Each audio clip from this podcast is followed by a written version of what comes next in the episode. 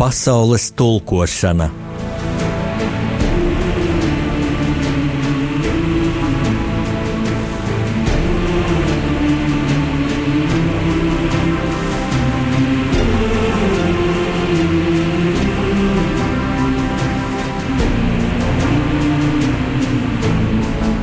Studijā rakstnieks Jānis Udris.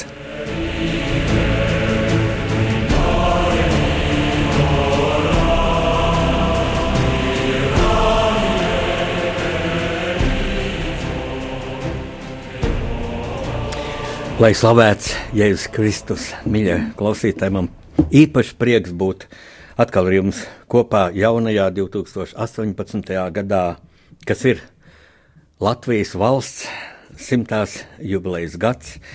Un es tiešām no visas sirds jums novēlu, lai šis gads būtu skaists, veiksmīgs, lai nestu daudz prieka. Taču tūdaļ es gribu paust savu pārliecību, ka, lai gads būtu skaists, lai būtu priecīgs, tas ir mūsu pašu rokās, tas ir atkarīgs no mums, jo līdzās gaismai alaži ir tumsa, diemžēl. Protams, ir skaisti, ja dienu nomaina nakts, un tad atkal nāk jauna diena, vai vasaru nomaina ziema, un mēs zinām, atkal būs pavasars un vasara. Tās ir dieva radītās pasaules likuma sakarības. Es nerunāju par tām, es runāju par tumsu, kas mācās virsū cilvēku dvēselēm, valsts attīstībai, kas mūs kavē, bremzē, un ko mēs bieži vien šo tumsu savā pieredzes trūkuma dēļ, varbūt ikdienas teigas dēļ, varbūt savā naivuma dēļ, bieži ielaižam savā dvēselē. Mm, būtībā cīņai ar šo tumsu, predarbībai ar šo tumsu, ir veltīta mana nu, visa rakstnieka daļrada, kam šogad aprit 14 gadus. Līdz tam es savu mūža lielumu lielo daļu esmu nostrādājis kā žurnālists. Un 2004. gadā iznāca man pirmā grāmata, kas man arī šobrīd ir līdz studijā, mm, turpmākajā raidījuma gaitā. Es pakavēšos arī pie šīs grāmatas. Nu, gaidot jauno gada jubilejas gadu. Es tāpat kā laikam ļoti daudzi no jums mm, pārdomāju, kāda ir bilance, ar ko es sagaidu Latvijas jubileju.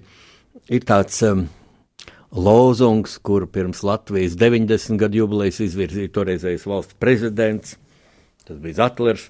Mm, nu, ko mēs dāvinām Latvijai jubilejā? Es domāju, tas ir labs tāds jautājums, labs pamudinājums. Nu, mans atskats būtu hmm, septiņas grāmatas, 14 gados, septiņas grāmatas. Tad vidēji mm, ik pa diviem gadiem grāmata, bet redziet, radošo procesu nevar tā mērīt. Nevar, tas nav tā kā mērīt labību vai mm, šoseis nosvaltēts. Kilometrs radošais process ir daudz niansētāks mm, notikums. Uh, un es pats tā tikai gada beigās sapratu, tagad izvērtējot 14 savus daļradas gadus, kādu ļoti būtisku likumu sakarību. Mm, kad man tā uzdod jautājums, nu, kā tu izvēlies tēmatus, par ko rakstīt, uh, nu, jāteic, tie it kā nobriest paši, uh, rodās tāda sajūta, jāraksta, jāraksta, jāraksta par to.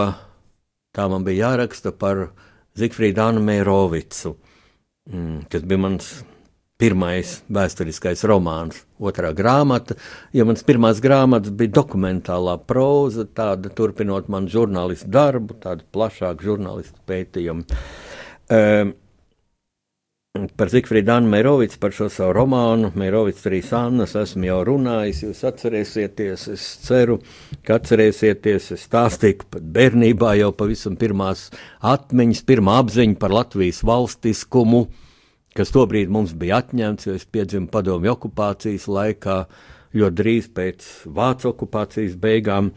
Tās pirmās atmiņas bija meža kapos, kur es ar savu omīti, ar savu vecmāmu gāju pie vecētiņa kapa. Un turpat netālu bija Lūk, Meirovica, šis dižnais piemineklis. Un tad jau dzīve nesa man unikāls iespējas, kāda nav katram. Lūk, 90. gados, kad Latvija jau bija atjaunojusi neatkarību, es iepazinos un es sadraudzējos ar Gunāru Meirovicu, kurš bija šī izcilā mūsu diplomāta, mūsu diplomātijas radītāja, jaunākais dēls. Mm, ievērojams trimdas, trimdas sabiedriskais darbinieks, pretpadomi cīnītājs, cīnītājs par Latvijas neatkarības atjaunošanu. Un 90. gada sākumā Gunārs Meirovics atgriezās Latvijā, 93. gadā kandidēja uz valsts prezidenta vēlēšanām konkurējot ar Guntu Ulmanu un pat vairāk balsu iegūstot. Vienā manā grāmatā arī tas ir aprakstīts, kā tur tālāk tie notikumi risinājās. Nu, lūk, man par to bija jāraksta. Tālāk romāns par Kārli Ulmani, Lielā Kārļa testaments pēc trim gadiem. Un toreiz es vēl asāk izjūtu to, ka jau bija romānu par Meirovicu uzsākot, sapratu, ka par šo izcilo personību ir jāraksta, bet daļai literatūrā tur ir tukša vieta. Nu, literatūras zinātnē man iebildīs, kā par Zigfrīdu Anu Mērovicu, taču ir Anša Gulbja romāns Mērovics. Zigfrīds Anna Mērovics. Ziniet, es atzīšos, kad es sāku šo romānu rakstīt, es kaut kā nezināju par Anšu Gulbi romānu. Mm, jā, nezināju. Tā gadās, varbūt tā liktenis būtu gribējis, jo citādi man būtu grūti rakstīt. Es būtu vai nu. Man būtu jāpārvar visu laiku tāda intriga, paskatīties, kā Gulbis to rakstīja. Mm, iznāca tā, ka es savu manuskriptu biju praktiski pabeidzis, un tad man saka, jā, bet taču ir viens romāns jau. Labi, jā, tad es izlasīju, un biju ārkārtīgi vīlies. Un es šo romānu uzskatu par ārkārtīgi vāju. Ar sagrozītiem faktiem, turpat visiem personāžiem, izņemot pašu Meirovicu, ir sadomāti vārdi, tur ir sajaukti fakti, pat ir tā aizvainojoši tādi fakti. Es tuvāk pat pie tā nepakavēšos. Uh, Man viens literatūras zinātnieks teica, nu, ko tu brīnies, kurš nezina, Kansas Gulbis bija izcils grāmatu izdevējs, bet ļoti vājš rakstnieks, bet neviens viņam to nepateica, jo viss gribēja, lai viņš drukā viņu grāmatas. Nu, lūk, tā tad es intuitīvi biju jutis, ka ir tāds tukšums par Zikfrīdu Annu Meirovicu. Nu, par Kārlu Ulmani. Milzums grāmatas sarakstīts, nu, milzums, gudras, dumjas, profesionālākas, diletantiskākas, bet, bet nebija neviena romāna Un nevienā daļliteratūras darbā, un būtībā arī nevienā mm, zinātniskajā darbā nav tā pa īstam, tā fundamentāli izvērtēta e, Kārļa Ulmaņa mm, traģiskā loma 40. gadā, 39. un 40. gadā, kad tika sagatavota un realizēta Latvijas valsts okupācija. Un tas bija milzīgs izaicinājums tagad grāmata iznāca 2010. gadā, tagad pēc astoņiem gadiem, septiņiem gadiem. Man pašam tā liekas dīvaini, mm, ka man pietika uzņēmības ķerties pie šī darba. Nu, paldies Dievam, ka tā bija, jo ir aizpildīts šis tukšums. Protams, būtu naivi cerēt, ka cilvēki izlasīja manu grāmatu un ka visi teica, jā, tā tas bija. Nē, es esmu saņēmis daudz arī uh, kritikas, nepelnītas, muļķīgas kritikas, arī dažas varbūt tādas, tādas pretarguments, kuros būtu vērts ielūkoties, bet nu, šeit es izdarīju tādu psiholoģisku analīzi, kā tas tā varēja būt, ka cilvēks, kuram ir milzīga pozitīva loma, milzīga nopelna pie Latvijas valsts nodibināšanas, tik paklausīgi un tik faktiski no apkaunojošā veidā paraksta visu okupantu papīrus, visus dokumentus, sākot ar Kirchsteina valdību un tā tālāk, un tā tālāk, un būtībā piedalās, piedalās šīs valsts iznīcināšanā. Un tas es dzirdēju, Ulmans svēts, rokas nos no Ulmaņa. Mm, šos cilvēkus varu saprast, jo sešos uh, Ulmaņam nu, autorita, autoritatīvās valdīšanas gados notika pretrunīgos gados, kad bija liela saimnieciska augšupēja Gan tādēļ, ka Ulmans bija prasmīgs tautsēmnieks, gan arī tādēļ, ka visa pasaule atkopās no 20. un 30. gadu mīs krīzes. Lūk, mm, notika arī negatīvi procesi, par kuriem mēs bieži nepadomājam. Nu, piemēram, ģenerālis Kārlis Kreisliņš savā mm, grāmatā No lauka puikas līdz ģenerālim min tādu faktu, ka nu, autoritārais režīms sekmē pielīšanu, iztapšanu, un tas atstāja ļoti nelabvēlīgu iespaidu uz armiju, jo kad kādi mm, ģenerāļi, augstākie virsnieki, nu, pauda neapmierinātību ar ulmaņa attieksmi pret armiju vai pret ārpolitiku, vai prasīja, nu, labi, mēs gatavojamies valsts aizstāvēt, bet pret ko, kā tas būs. Eh, tad viņi, nu, faktiski viņiem lika saprast, lai iet no armijas prom. Un augstākajos amatos izvirzīja nu, pielīdējas, iztapoņas, un no šāda viedokļa Latvijas armija jau padomju okupācijas priekšvakarā bija stipri novājināta. Nu, lūk, šāda grāmata, un šo, šīs abas grāmatas, un vēl trešo savu romānu, Leitnants Rubens Bruņnieks Roberts par Latvijas armijas leitnantu, tanka komandieri, kurš ļoti pārdzīvo Ulmaņa aizliegumu armijai 40. gadā cīnīties par Latviju, un kurš Otrajā pasaules karā, kad Latvija jau ir okupējusi cita lielvara, Vācija, Hitleriskā Vācija, un ka daudz latviešu iet brīvprātīgi e, Vācijas policijas bataljonos, pēc tam leģionā, nu, leģionā apmēram 10% bija brīvprātīgo, praktiski tā bija mobilizācija Vācijas armijā. E, lūk, viņš mēģina šo divu lielvaru sadursmē, kad ir jau skaidrs Vācijas gals, kad jau padomju armija ir Latvijā, viņš kurzemes katlā mēģina atjaunot Latvijas armiju, kurliešu aizsargu pulkā. Šis koreliešu aizsargu pulks tika atbruņots bez kaujas, karavīri arestēti, astoņi virsnieki nošauti, pats kurēls nedīvainā kārtā, tas ar tāds kā pār, vielu pārdomām, bet Leitnants Rubens ar savu brīvprātīgo bataljonu īsā laikā izveidot spoži, sagatavot militāro vienību, 44. gada 18. novembrī izcīna smagu kauju pret Vācu SS sodvienības pārspēku, ja vācieši nevarēja pieļaut šo ideju, ka kāds, kāds um, apšauba Vācijas uzvaru un, un cīnās par brīvu Latvijas valsti. Ja. Kaut tas bija 44. gada rudens, kad bija pilnīgi skaidra Vācijas nolemtība jau, bet nu, atcerēsimies, ka Vāciju e, pārvaldīja to brīdi jau, nu, var teikt, simboliski, var teikt, arī varbūt ir no medicīnas viedokļa jau garā, garā sajūtas, vaiprātīgs cilvēks, Hitlers. Un tas paradoks, ka šim cilvēkam bija tāda vara, ka viņi priekšā trīcēja ģenerāļi, viņiem, viņam bija instrumenti, lai jebkuru, kas šaubās par viņu nemaldīgumu, sodītu, nonāvēt briesmīgā veidā, pakarot klavieru stīgās. Nu, lūk, šādā situācijā iznāca, ka Rubenim, kurš gatavojās cīnīties pret sarkanajām briesmām, pret Latvijas atkārtot padomju okupāciju, iznāca cīnīties pret vāciešiem kaut nu, šo atlikušo kara daļu. Rubenieši gribēja būt vācu sabiedrotie kopā pret padomu briesmām cīnīties, un tad, kad Vācija kapitulēs, paziņot, mēs esam neatkarīgās Latvijas karaspēks. Un, uh, Latvijas centrālā padome ko bija izveidojusi patriotu grupa, augsts raudas patriotu grupu, ko vadīja Konstantīns Čakste, Latvijas pirmā prezidenta dēls. Lūk, tā būtu Latvijas valdība. Tāda šī vēsture. Un dīvainā kārtā pagājušajā gadā, mūsu tātad simtgadus priekšvakarā, mm, šie trīs mani romāni dažādos gados uzrakstīti, ja, e, saplūda vienā tādā kopainā, jo, jo visu šo romānu varoņiem bija apaļas jubilejas. Un cik interesanti sakritība, ka e, tas bija gan chronoloģiski, kā es savus romānus esmu uzrakstījis, gan arī kā šīm spilgtajām personībām, kāda loma bija Latvijas vēsturē. Lūk, Zigfrīds Anna Mērovics līdz ar Kārlu Ulmani bija, nu, es teiktu, divi spilgtākie Latvijas valsts nodibināšanas un starptautisko pozīciju nostiprināšanas celmlauži. Ja?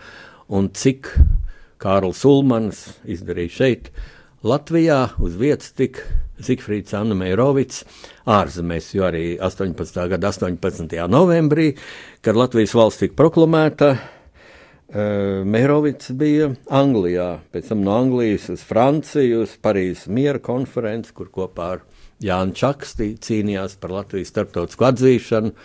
19. gadā ārkārtīgi sarežģītā situācijā, nu vēl neko nepanāca, nu bija jāgaida vēl gads un vairāk.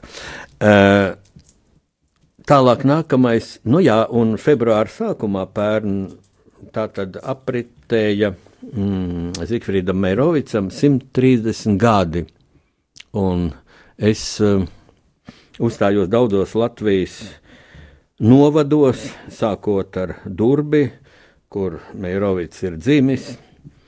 Man tur pārsteidza cilvēku mazā interese.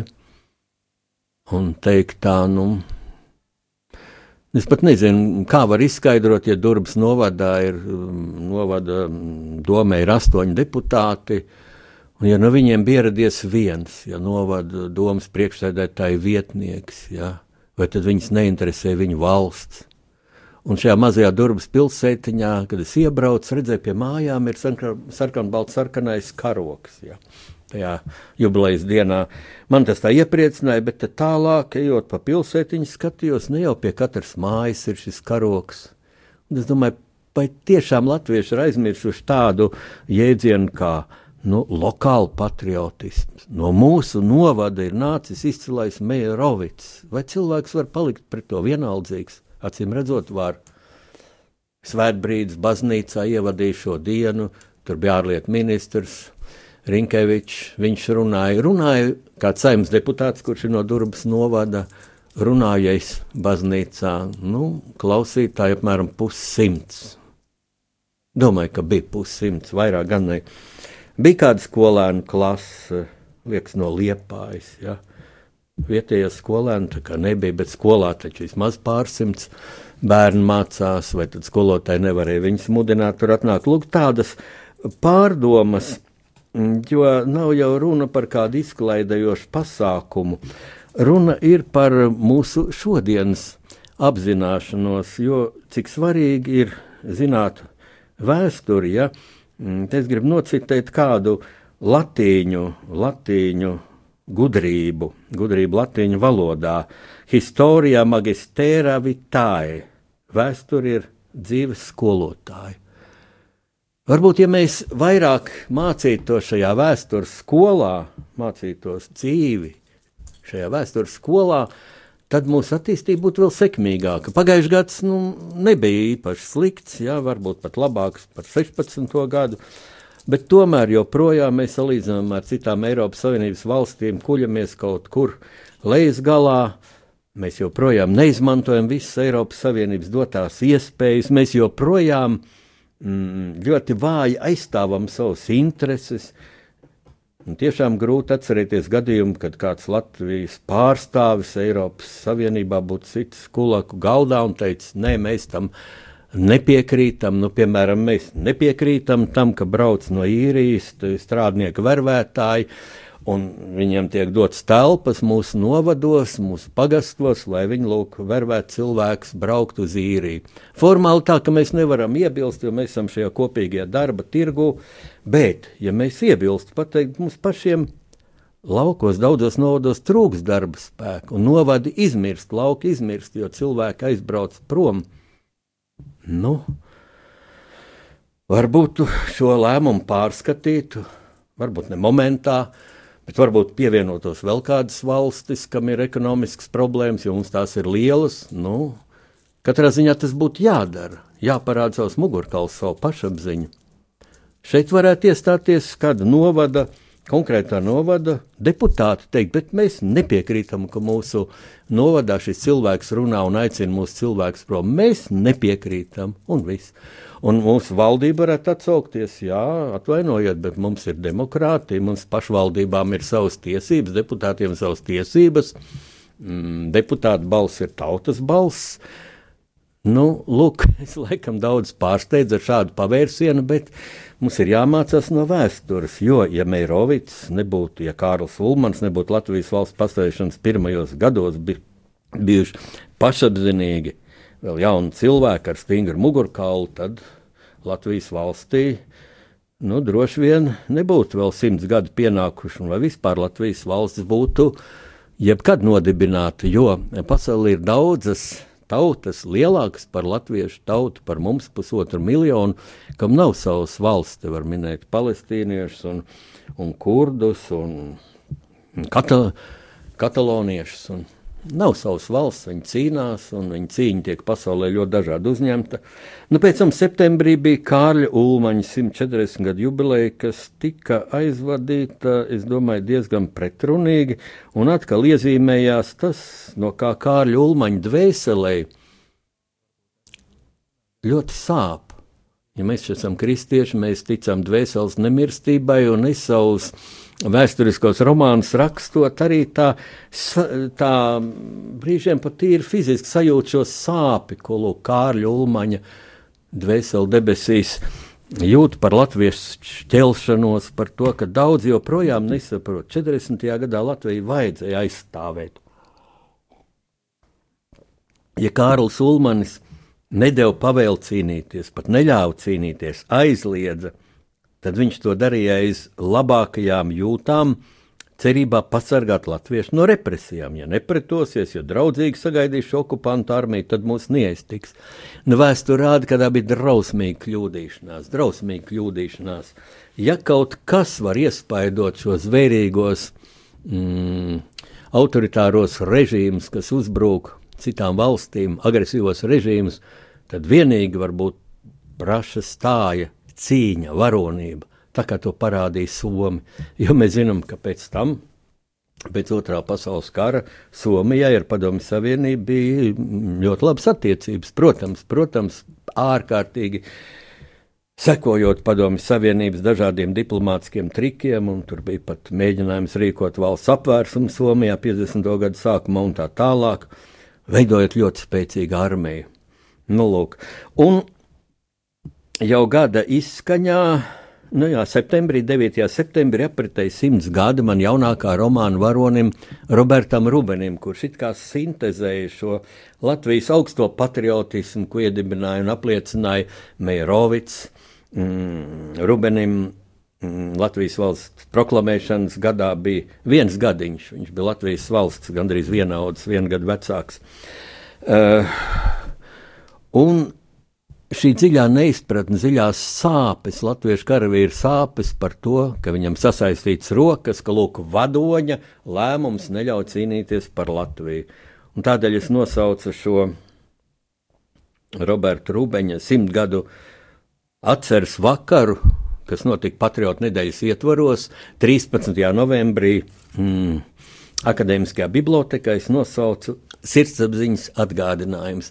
Internetā ir eh, redzami video kadri, fotosērija no šī notikuma, un man pašam, vadot šo rubeņu atceres vakar, bija ļoti jādomā par Latviju un jāanalizē iemesli, kāpēc mēs laižam garām iespējas, kāpēc latvieši brauc prom no Latvijas. 16. gada beigās, kad kara muzejā bija mana šī jaunā romāna atvēršanas svētki, es savu uzrunu klausītāju pilnajai zālē sāku ar vārdiem, ka mana dzīves lielākā daļa ir pagājusi padomju okupācijas laikā, okupētā Latvijā. Un jāteic, ka Es līdz pat varbūt atmodas laika kulminācijai, līdz janvāra barikādēm, es neticēju, ka man būs lemts dzīvot atkal brīvā Latvijā.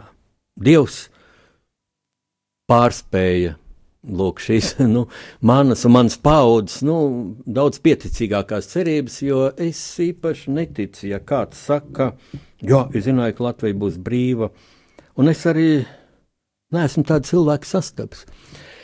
Es uh, ilgus gadus strādāju pēc Latvijas neatkarības atjaunošanas valdības laikrakstā Latvijas vēstnesis, un es katru gadu vismaz vienreiz gada izskaņā mm, sagatavoja tādu plašu, ļoti plašu interviju ar valsts prezidentu. Sākās tas ar Guntu Ulmanu, kas bija pirmais atjaunotās Latvijas prezidents, bet visvairāk ar Vairvīķu Freibergu, jo viņi ir Latvijas vēsturē. Eh, prezidenta amatā bijusi visilgāk, divreiz četrus gadus. Ja? Līdz tam līdz Vairai Vīķai Freibergai prezidents ievēlēja uz trim gadiem, un tad vai nu pārvēl vai ne, tā Guntulmanu pārvēlēja.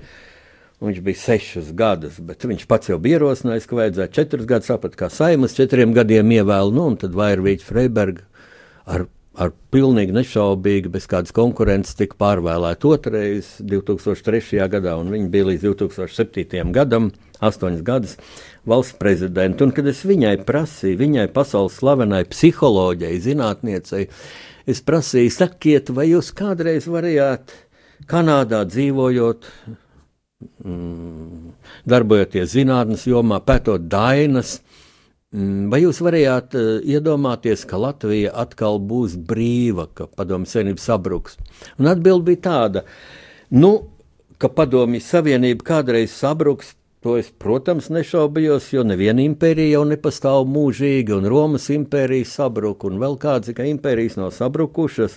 Bet, kad tas notiks manas dzīves laikā, to nu nē, to nu nē. Tas bija ārpus man, man, manas tāda, mana redzējuma. Nu, lūk, bet tas notika. Paldies Dievam, ka tas notika, bet man ir tāda sajūta, ka notikumi ir vēsturē varbūt virzījušies pārāk strauji lai gan nu jau mēs vairāk kā ceturtajā gadsimtā dzīvojam atkal brīvā Latvijā, tas ir ilgāk nekā šis pirmskara neatkarīgās Latvijas laiks. Daudz ilgāk sasnieguši esam, nu, nevar teikt, ka maz mēs esam Eiropas Savienībā, mēs esam NATO no tāda ģeopolitiskā viedokļa, militāra strateģiskā viedokļa. Latvija ir drošāka kā jebkad, bet mūsu vājais punkts Tā ir mana analīze, mana rakstnieka analīze, vēsturiskā perspektīvā raugoties. Mūsu vājais punkts ir savu vienaldzību pret savu valsti, e, patriotismu trūkums, pašapziņas trūkums, jo vai cilvēks, kam ir pašapziņa, kam ir stingrs mugurkauls, vai viņš tā, tā tik viegli izšķirsies atstāt Latviju, vai viņš piedalīsies kaut kādās muļķīgās aptaujās, kas ir rīkotas Ko tu darīsi, ja sāksies karš? Es pat teiktu, tādas at, at, aptaujas ne, nevajadzētu pieļaut. Demokrātija nav visatļautība, tā ir valstī sabiedrībai kaitīga darbība. Pat ja cilvēks to dara muļķības dēļ, ja bija kaut kāds te uzradies, kas it kā zem ANO patronāžas veica tādu aptauju, un tad ļoti daudz teica, es braukšu uz ārzemēm, mukšu uz ārzemēm, bet uz kurien tad tu muksi, ja, ja karš sāksies pret Latviju, tad tas atbilstoši NATO 5. paragrāfam būs karš pret visu NATO. Un kur tu brauksi, viss mūsu draugu valsts ir NATO valstis, nu, kur tu uz Krieviju brauks, tā droši vien būs agresoru valsts. Jā, nu, ir jau tādi, kas brauks, ir tādi, kas cīnīsies pret Latviju. Tā mums, lūk, simtās jubilejas gada sākumā ir ļoti par ko padomāt. Un tad uh, pagājušais gads atnesa vēl vienu jubileju, ļoti skaistu jubileju, daudziem pārsteidzošu. Tā bija mūsu bijušās prezidents Vairas Vīts Freibergs 80 gadu jubileja. Un pārsteidzoši tāpēc, ka paskatoties skaistu, um, smaidošu, mm, sievieti, tā teikt, labā formā, kā mēs to mēdzam apzīmēt. E, grūti ticēt, ka 80 gadi, un tad man nāk prātā man pirmā intervija ar Vairvīķu Freibergu, kas bija pirms 30 gadiem, jā, vēl padomju okupācijas laikā, jo Vairvīķa Freiberga uh, nereiz vien atbrauca uz Latviju, kā mūsu Zinātņu akadēmijas viešņa uzstājās šeit ar lekcijām, ar referātiem. Man vispilgtāk palika prātā Vairas Vīķis Freibergas mm, uzstāšanās eposa Lāča plēsi simts gadu jubilejā, kas notika Dailas teātrī. Tas vēl bija padoma režīma apstākļos, padoma cenzūras, ap, cenzūras apstākļos, kad viņa bezgalā aizkust, aizkustinoši paš, pati ar asarām balsī viņa teica mums, Man mīļie brāļi un māsas, man mīļie brālēni un māsīcas, nu ar to pa, grib, gribētu pateikt, ka visi latvieši ir kā viena ģimene, ka mums jābūt kā vienai ģimenei. Teica, mācīsimies no eposa lāčplēs, bet mums ir jāzina, ka šobrīd mums nevajag balstīties uz lāčplēša spēku, jo tas bija ausīs un ausīs var nocirst. Mums jābalstās uz spīdols gudrību, spīdols gudrību. bet uh, man pirmā redzēšanās ar Vairvīču Freibergu bija tāda mm, mazliet nu, jautra. Mm, jo, kad es uzzināju no Zinātņu akadēmijas, ka lūk, ieradusies šī viesņa, nu, es piezvanīju, man, man pateica telefons, piezvanīju viņai uz viesnīcu un palūdzu, vai es varu aiziet, un saņēmu atļauju, un norunājām laiku cikos. Un, kad es iegāju viesnīcā, mums nākamās prezidents istabiņā, Tad pirmais tiešām ieraudzīju jaunu, skaistu sievieti. Eh, es, protams, biju redzējis fotogrāfijas līdz tam preses izdevumos, bet eh, nu, tā tūmā pirmo reizi redzēju, tad es teicu, vai ziniet, atvainojiet, ir notikusi kļūda, ja man teica, ka jums ir 50 gadu jubileja, eh, bet es redzu, ka 40 gadu jubileja. Tad, tad vaira dziļievilkā elpu tā pārsteigt par tādu sarunu sākumu. Te viņi iesaucas, vai cik jauki, vai cik jauki, paldies. Nu tad, nu tad kādi jums būs jautājumi? Tad mēs ļoti jauki parunājam par zinātni, kādus pētījumus viņi veids, kādu viņi redz sadarbību. Lūk, bet Vairs Vīķis Freibergas mm, personība liek arī daudz ko pārvērtēt. Mm, mūsu attieksmē pret savu, saviem tautiešiem, pret savu vēsturi, pret savu mm, valsti. Es pagājušā gada beidzamo raidījumu veltīju šai Vairsvītas Freibergas jubilejai. Ceru, ka jūs to klausījāties. Un es ceru, ka es pietiekami stipri uzsvēru šo tēzi, ka Vairsvītas Freiberga pasaulē, starptautiskajā politikā, vēsturiskā perspektīvā ir daudz adekvātāk, daudz augstāk novērtēta, kā pie mums Latvijā.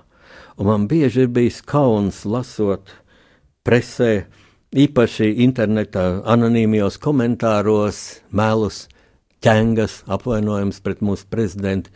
Īpaši man bija kauns par tādu nu, ļoti sensitīvu tēmatu, jūtīgu tēmatu, kā šī kapa vieta, ģimenes kapa vieta meža kapos. Un es biju pilnīgi šokēts, ka to lūk izmeklēja knabu.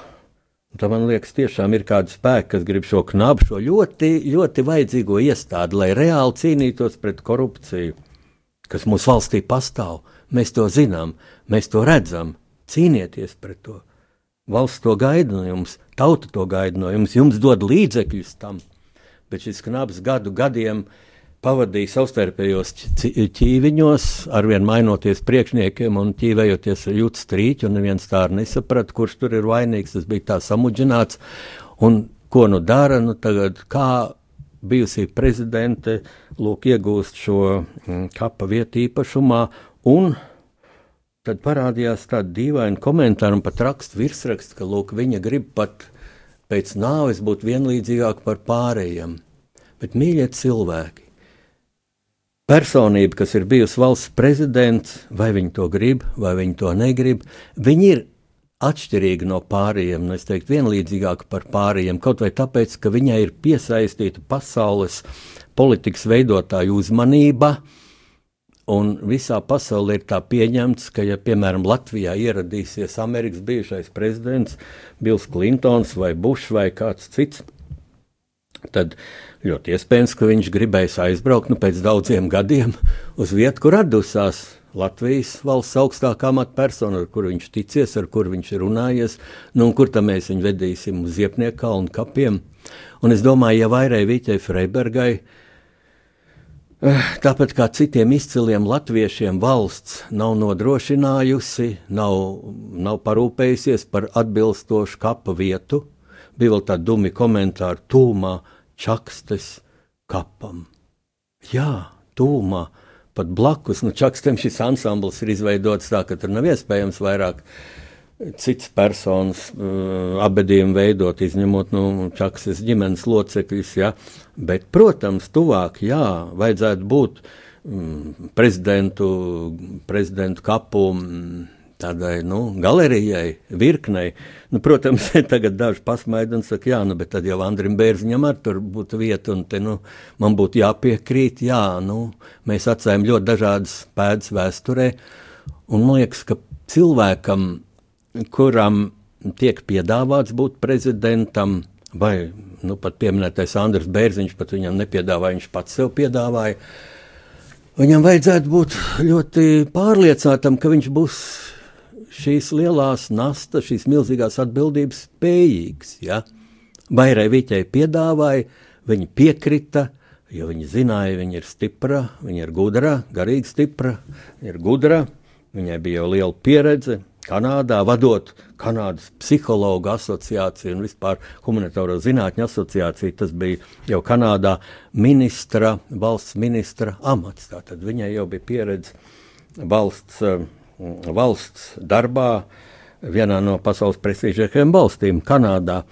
Nu, lūk, es faktiski nevaru nosaukt nevienu citu Latvijas valsts prezidentu, izņemot vēl um, Jānu Čaksti, kurš tā tiešām ar visu pārliecību būtu Eh, varēs teikt, es to varu un es to daru. Nu, es esmu ļoti daudz runājis un, un šokējis jūs ar varbūt dažām savām atziņām, tas ir manas atziņas. Nenozīmē, ka jums tā ir jādomā. Uh, tagad brīdis mūzikai, un tad es turpināšu ar vēl kādu domu.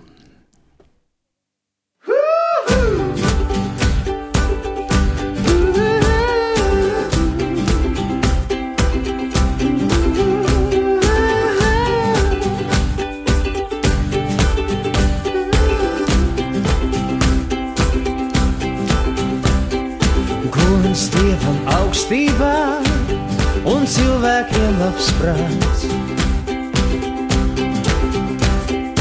Es, es nesmu šai dzīvē maldināts, bet pats es esmu bijis nomaldījis, jo savas gribas vien man ceļš bija vies. Un ja es tagad stāvu nesabies, un augu te kā skaisti stādīts tāds, gods dievam augstībā un cilvēkiem labs prāts. Gods dievam augstībā un cilvēkiem labs prāts. Es esmu piedzimis kā skaņa vārdā, un tālāk latviski jau nākamajā kārtā. Kad nīcā garais sauciens skan vai pārtā, es pieceļos man piecelties liekās. Gods dievam augstībā un cilvēkiem labs prāts. Gods dievam augstībā un cilvēkiem labs prāts. Man jāpastāv, kas manas lietas kārtos, stāv cietums sargs un erceņķelis vārtos. Viens nelaiž prom, bet otrs nelaiž iekšā. Es vēl te pastrādāšu vārtu priekšā, gods dievam augstībā un cilvēkiem labs prāts. gods dievam augstībā un cilvēkiem labs prāts. Gods dievam augstībā un cilvēkiem labs prāts. Šeit rādījumā arī Latvijas skan rakstnieks pārunas un pacels tulkošana. Ar jums runā uh, rakstnieks Jānis Udris, un es um, raidījuma sākumā teicu, vai šis gads būs priecīgs, gaišs. Tas ir ļoti lielā mērā atkarīgs no mums pašiem. Un tad, kad es paskatos pagājušā gada beigu, beigu pēdējo nedēļu preses izdevumus, mm, atceros televīzijas raidījumus, radio raidījumus, un tāpat tas turpinās šajā gadā, tad es jūtu, ka tāda liela ēna tiek uzklāta mūsu simtgadē, mūsu priekam, mūsu labākajām domām par savu valsti. Uh, Es nepārteicos, ka teicu uzklāta, varētu teikt, pārklājas, bet nē, uzklāta, jo to dara cilvēki vai nu nedomāšanas dēļ, kaut kādas um, ikdienas steigas dēļ, vai arī, vai arī to virza ļoti mērķtiecīgi, ļoti sekmīgi organizē un virza Latvijai naidīgi spēki, kāda, protams, netrūks, kas ir saglabājušies no, no mm, padomju okupācijas laika, gan mūsu lielajā kaimiņu valstī, gan, gan tepat valsts iekšienē. To jau mēs. Mums vajadzēja to saprast jau pirms, pirms, pirms, pirms sešiem gadiem, kad tika savākt šie paraksti referendumam par otro valsts valodu. Un jāpiekrīt šeit mūsu režisoram Alvim Hermanim, ka viņš teica, jā, ka tur aiz tā stāv mūsu valsts ienaidnieki. Jā, mums jārēķinās ar to. Katrai valsts ir ienaidnieki. Uh, jā, nu, demokrātiska valsts uh, sistēma ļauj, it kā zinām, izteiksmes brīvību un tā tālāk un tā tālāk, taču atkal demokrātija nav visa atļautība, bet ļoti daudz kas ir atkarīgs no mūsu pašapziņas un no mūsu gudrības. Un man ļoti baida mūsu nedomāšana, mūsu inerce. Ko es tagad vēroju šajā mm, nu, publiskajā teiktu, histērijā, kas ir sacelta ap tā sauktiem čekas maisiem. Un es gribētu atgādināt dažus faktus pirms, pirms jūs, mīļie klausītāji, steidzaties um, nu, teiksim, spriest, vērtēt, iesaistīties, padoties kārdinājumam, rakstīt kādus uh, komentārus, šis temats tiek Latvijā zelēts jau kopš 91. gada augusta. Ja tu parēķiniet, cik gadi ir pagājuši. 26 ar pusgadi. Atkal un atkal. Un tagad izskan tāda tēze, kas man ļoti pārsteidz. Nu, vienreiz taču tas ir jāizdara. Nu, kad tad? Nu tad tagad, nu tad uz to jubileju. Ja? Un tiešām tam cilvēkam, kas tā saka, vajadzētu, vajadzētu nu, izskaitīt līdz desmit un padomāt. Ja?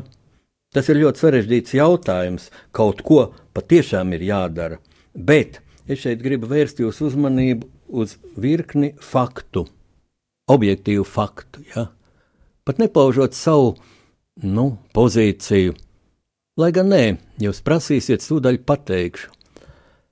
Uh, es domāju, jā, ka šie maisi ir jāatver, jo tur novirsīs arī daudz netaisnības. Tagad mēs ikdienā tā bieži lasām, ah, tas tur bija čekists un tāds un šitāds, jā. Bet tad, lūk, cilvēki pastīsies, paga, es atvainojos, kur te ir mans vārds, jā, un sūdzēs to apvainotāju tiesā. Lai gan arī tas jautājums nav tik, sarež... nav tik vienkārši, jo atcerēsimies, ka pēc eh, tām liecībām, ko ir snieguši bijušie čekas vadītāji, nu, piemēram, Johansons, Edmunds Johansons, laikam, ja, viņš pat izdeva grāmatu, vēl viņa vietnieks, tāds trubiņš, tas ir devis nevienu interviju, un viņi ir viennozīmīgi pateikuši, ka šie čekas arhīvi lieluma lielā daļa kur tādu aģentu vārdu bija nu, varbūt desmit reizes vairāk nekā šajās 4300 eh, kartiņās, ka tie ir jau 88. gadā aizvest uz Krieviju. Nu, un tad lūk, objektīvs šis jautājums, kāpēc tieši šos 4300 vārdus atstāja.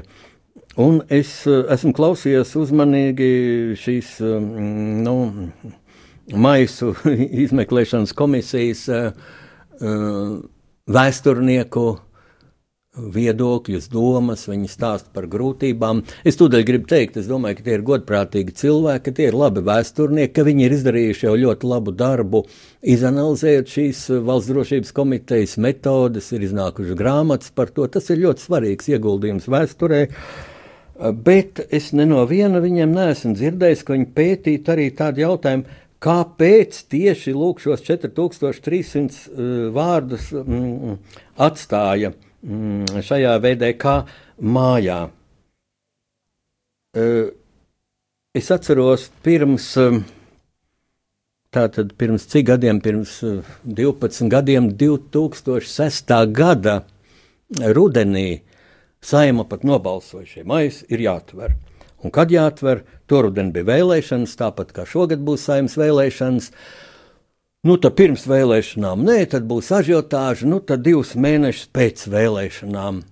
Un, ziniet, nu, toreiz šo, šo atvēršanu apturēja valsts prezidente Vairvīķa Freiberga ar ļoti pārdomātiem, ļoti eh, racionāliem, ļoti Latvijas interesēm atbilstošiem mm, argumentiem, bet, bet Es te saskatu ļoti līdzīgu paralēli. Ja mēs tagad runājam, daži tādi publikas tribūni, tā skaitā starp citu, daži ļoti pieredzējuši, ļoti pieprasīti, ļoti labi apmaksāti sabiedriskā attiecību speciālisti, pieprasa vaļā, atvērt, tūlīt. Vislabāk, jā, nu, tā rudenī pēc vēlēšanām. Un tā paralēli tāda, ka 2006. gadā novembris nebija parasts. Tāpat kā šogad. Šogad tas būs Latvijas simtgades jubilejas. Mēnesis toreiz, toreiz uh, Rīgā sanāca NATO samits.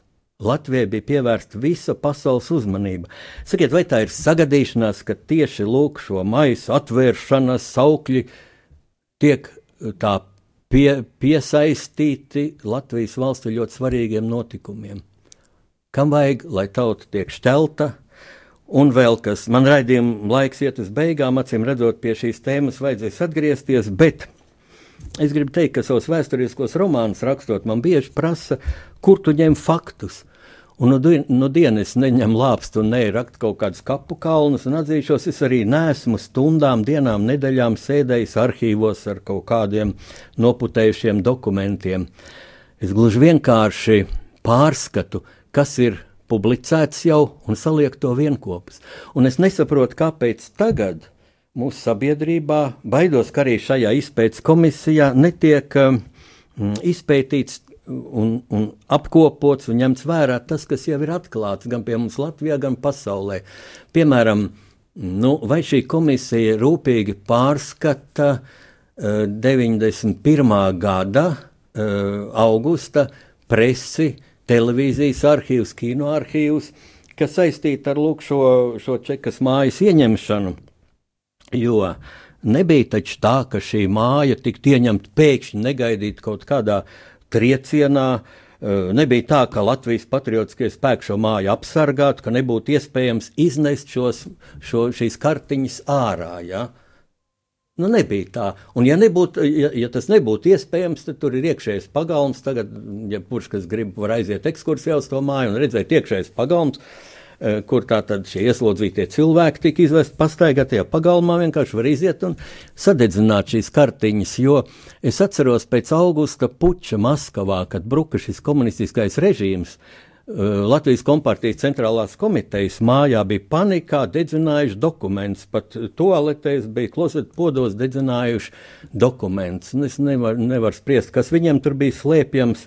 Varbūt arī kaut kādi paralēlie čekas dokumenti, jo ir arī zināms no, no šo čekas priekšnieku liecībām, bijušo priekšnieku liecībām, grāmatām, memoāriem, ka, protams, viņas kontrolēja partijas centrālā komiteja. Kā, vai arī šis, šī ofensīva par šiem maisiem un šo čeku nav tāda nu, kompartijas rehabilitēšanas mēģinājums. Bet, ja mans raidījuma laiks patiešām beidzas, es gribu pateikt to, ka es par šo tēmu rakstīju jau pirms 14 gadiem, zīmīgs skaitlis, divreiz septiņiem gadiem. Es par to rakstīju savā pirmajā grāmatā, mm, kas iznāca 2004. gadā. Tas nav romāns, tā ir dokumentālā proza manas žurnālista pieredzes apkopojums, un grāmata saucas. Es priecāšos, ja jūs aiziesiet uz biblioteku, paņemsiet šo grāmatu, tad Jānis Udris no Berlīnas mūra līdz 38. paralēlai. Apgāds Jumava 2004. gads. No Berlīnas mūra līdz 38. paralēlai. Un plašākā nodaļa šeit ir veltīta Vācijai. Es esmu bijis abās Vācijas valstīs, gan šajā komunistu marionešu valstī, mm, Vācijas Demokrātiskajā republikā, gan uh, Rietumvācijā. Tagad tā ir viena valsts, Vācijas Federatīvā republika. Un nereizi vien arī ar valsts prezidenti divās viņas vizītēs, bet mm, pati interesantākā vizīte man bija mm, ar tādu unikālu iespēju 1999. gadā kad Vācijas Federatīvās Republikas valdība mani uzaicināja piedalīties starptautiskā žurnālistu grupā, ļoti prestižā, kurā bija kādi 50 uh, žurnālisti pa vienam no valst, prestižākajām valstīm, sākot ar Ameriku un beidzot ar dažām postsovietiskajām valstīm, uh, piedalīties Berlīnas mūra krišanas desmit gadu jubilejā. Un mums bija vienu nedēļu nodrošināta ļoti mm, interesanta, unikāla programma. Berlīnē, mm, gan rādot, kā Berlīna tiek eh, atjaunot un tā tālāk. Un vienu dienu mums bija iespēja būt mm, Vācijas Demokrātiskās Republikas valsts drošības komitejas štāzī. Pilnā nosaukumā tas bija štāts Zihrēdzdiensts, valsts drošības dienests eh, arhīvā. Un lūk, ja pie mums tā iztēlojas, ka, nu, tagad tā publicēšana, to maisu atvēršana būs tāda, kad, kad nu, es nezinu. Cits varbūt domā, ka kaut kur izbērs maisu, un katrs varēs skriet un tur grābstīties. Nē, nu, ja nopietni runājam, tad acīm redzot, domā, ka tiks avīzē kādā publicēts vai kādā brošūrā vai internetā. Tad, lūk, es domāju, ka šai mm, izpētes komisijai nevajadzētu žēlot naudu, komandējumiem uz tām valstīm, kurās šis jautājums ir atrisināts. Ja naudas viņiem pietiek, laikam pusmiljons tur ir tam dotēts. Un pirmkārt, vajadzētu aizbraukt uz Vācijas eh, Federatīvo republiku, kur ir izveidots um, speciāls, um, tāda speciāla valdības institūcija šo dokumentu izpētei, apzināšanai un arī šai publicitātei, šai pieejamībai. Uh, Un tad nu, tur varētu pamatīgi izpētīt. Un tur nu ir tā, ka nu, ne jau nu, tas ir tā kā Ķīnā kultūras revolūcijas laikā bija, kad ar sienām izkāra tur tādas uzrakstītie sliktie cilvēki, un tad, kas gribēja, varēja skriet viņiem virsū un mest ar akmeņiem. Nē, absolūti nē, šī pieejamība, šī atvēršana, arhīva atvēršana nozīmē to, ka kad, lūk, šeit ir citāts no manas grāmatas, katrs Vācijas pilsonis, kam ir motivēta interese par konkrētas personas eventuālo sadarbību ar stāziju, var iepazīties ar attiecīgo lietu. Ja, nu, tur, piemēram, var iet žurnālisti arī. Protams, var iet cilvēki, es gribu redzēt savu mapīti, kas par mani ir ziņots, kas ir ziņojis, jo tur uh, Vācijas Demokrātiskajā republikā, likvidējot komunistisko režīmu, šis arhīvs tika pilnībā pārņemts, jo viņiem jau nebija uz kurien to aizvest. Ja nebija tā kā no Latvijas aizved uz Maskavu, jo Latvijas šī drošības komiteja jau bija tikai tāda Maskavas filiāla, kas klausīja Maskavas pavēlēm. Un starp citu, jā. Ja viņi nu, tā gribētu nu, izdarīt labu neatkarīgai Latvijai, jo pēdējais čekas uh, priekšnieks Johansons tā kā visādi apliecināja savu lojalitāti Latvijas valdībai un pēc neatkarības deklarācijas pieņemšanas 90. gada 4. maijā viņš arī, kā liecina toreizējais premjeras Godmans, viņš arī piedalījās valdības sēdēs. Nu, kā, jā, lūk, institūcija, kas gādā par kārtību Latvijā. Tad taču viņš varēja teikt, lūk, mēs te nododam tās kartiņas. Nē, skaidrs, ka tas tika atstāts kā tāda, nu, kā tāda laika mīna pret Latvijas valsti, nu, un ko dara ar mīnām, ja jāatrod. Izsauc sapierus, izsauc speciālistu, kas izpēta, un tad viņi rīkojas tālāk. Un lūk, es nobeigšu to, ka, ja jau atvērt, tad tas būtu jādara profesionāļiem, uz drošības institūcijām. Un ieraugot šos cilvēkus, kas ir šajos e, maisošajā kartotekā, paskatīties, nu, daļa ir miruši jau, daļa, es domāju, labprāt būtu gājuši un paši pastāstījuši ko viņi darīja, kāpēc viņi darīja. Lūk, tikko nāca mm, ar tādu atklāsmu Jānis Rokpelns dzēnieks. Es tūdaļ gribu teikt, es absolūti nemetīšu ar akmeni šim cilvēkam. Drīzāk otrādi, labi, ka cilvēks attīrīja savu sirdsapziņu. Viņš arī ir kristietis, viņš arī, zinu, viņš iesvētījās 90. gados, un lai Dievs viņu svētī un sargā. Uh, te varētu daudz runāt, laiks ir nepielūdzams, bet uh, Es tikai gribu teikt vienu, ka šī valsts drošības komiteja, protams, neatstāja šajos maisos savus īstos aģentus, savus labos aģentus.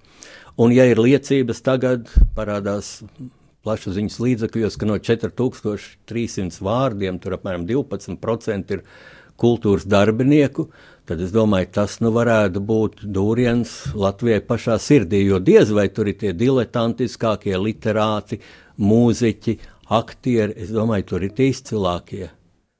Un mana versija, protams, tikai tā loģiski, es visus savus vēsturiskos romānus esmu balstījis uz loģiskiem secinājumiem, kāpēc, kam tas ir izdevīgi, kui prodest, kam izdevīgi, ja šie vārdi tika atstāti tādi, kā ir izdevīgi mūsu ienaidniekiem, mūsu lielajai kaimiņu valstī, kurai, protams, ļoti kremta, ka mēs, latvieši, ka mēs, baltieši, uzsākām šo padomu savienības graušanu, drupināšanu.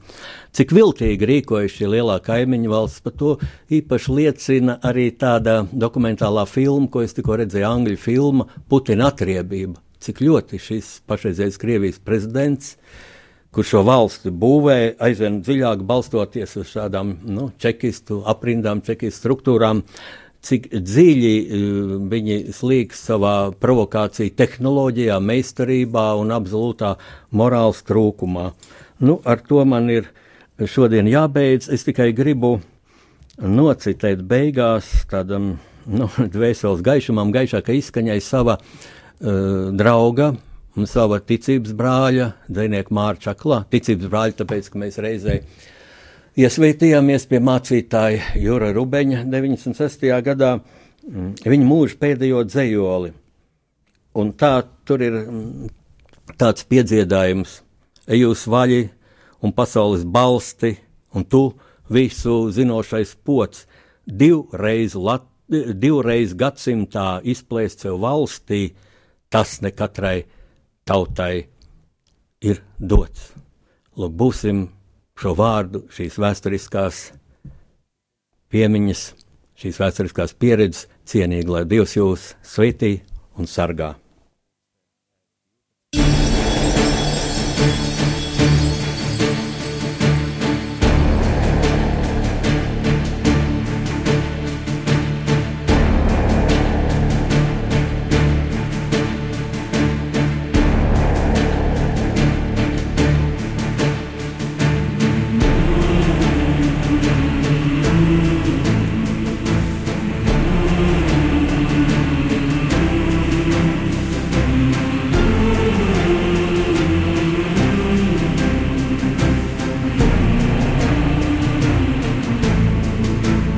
Pasaules tulkošana.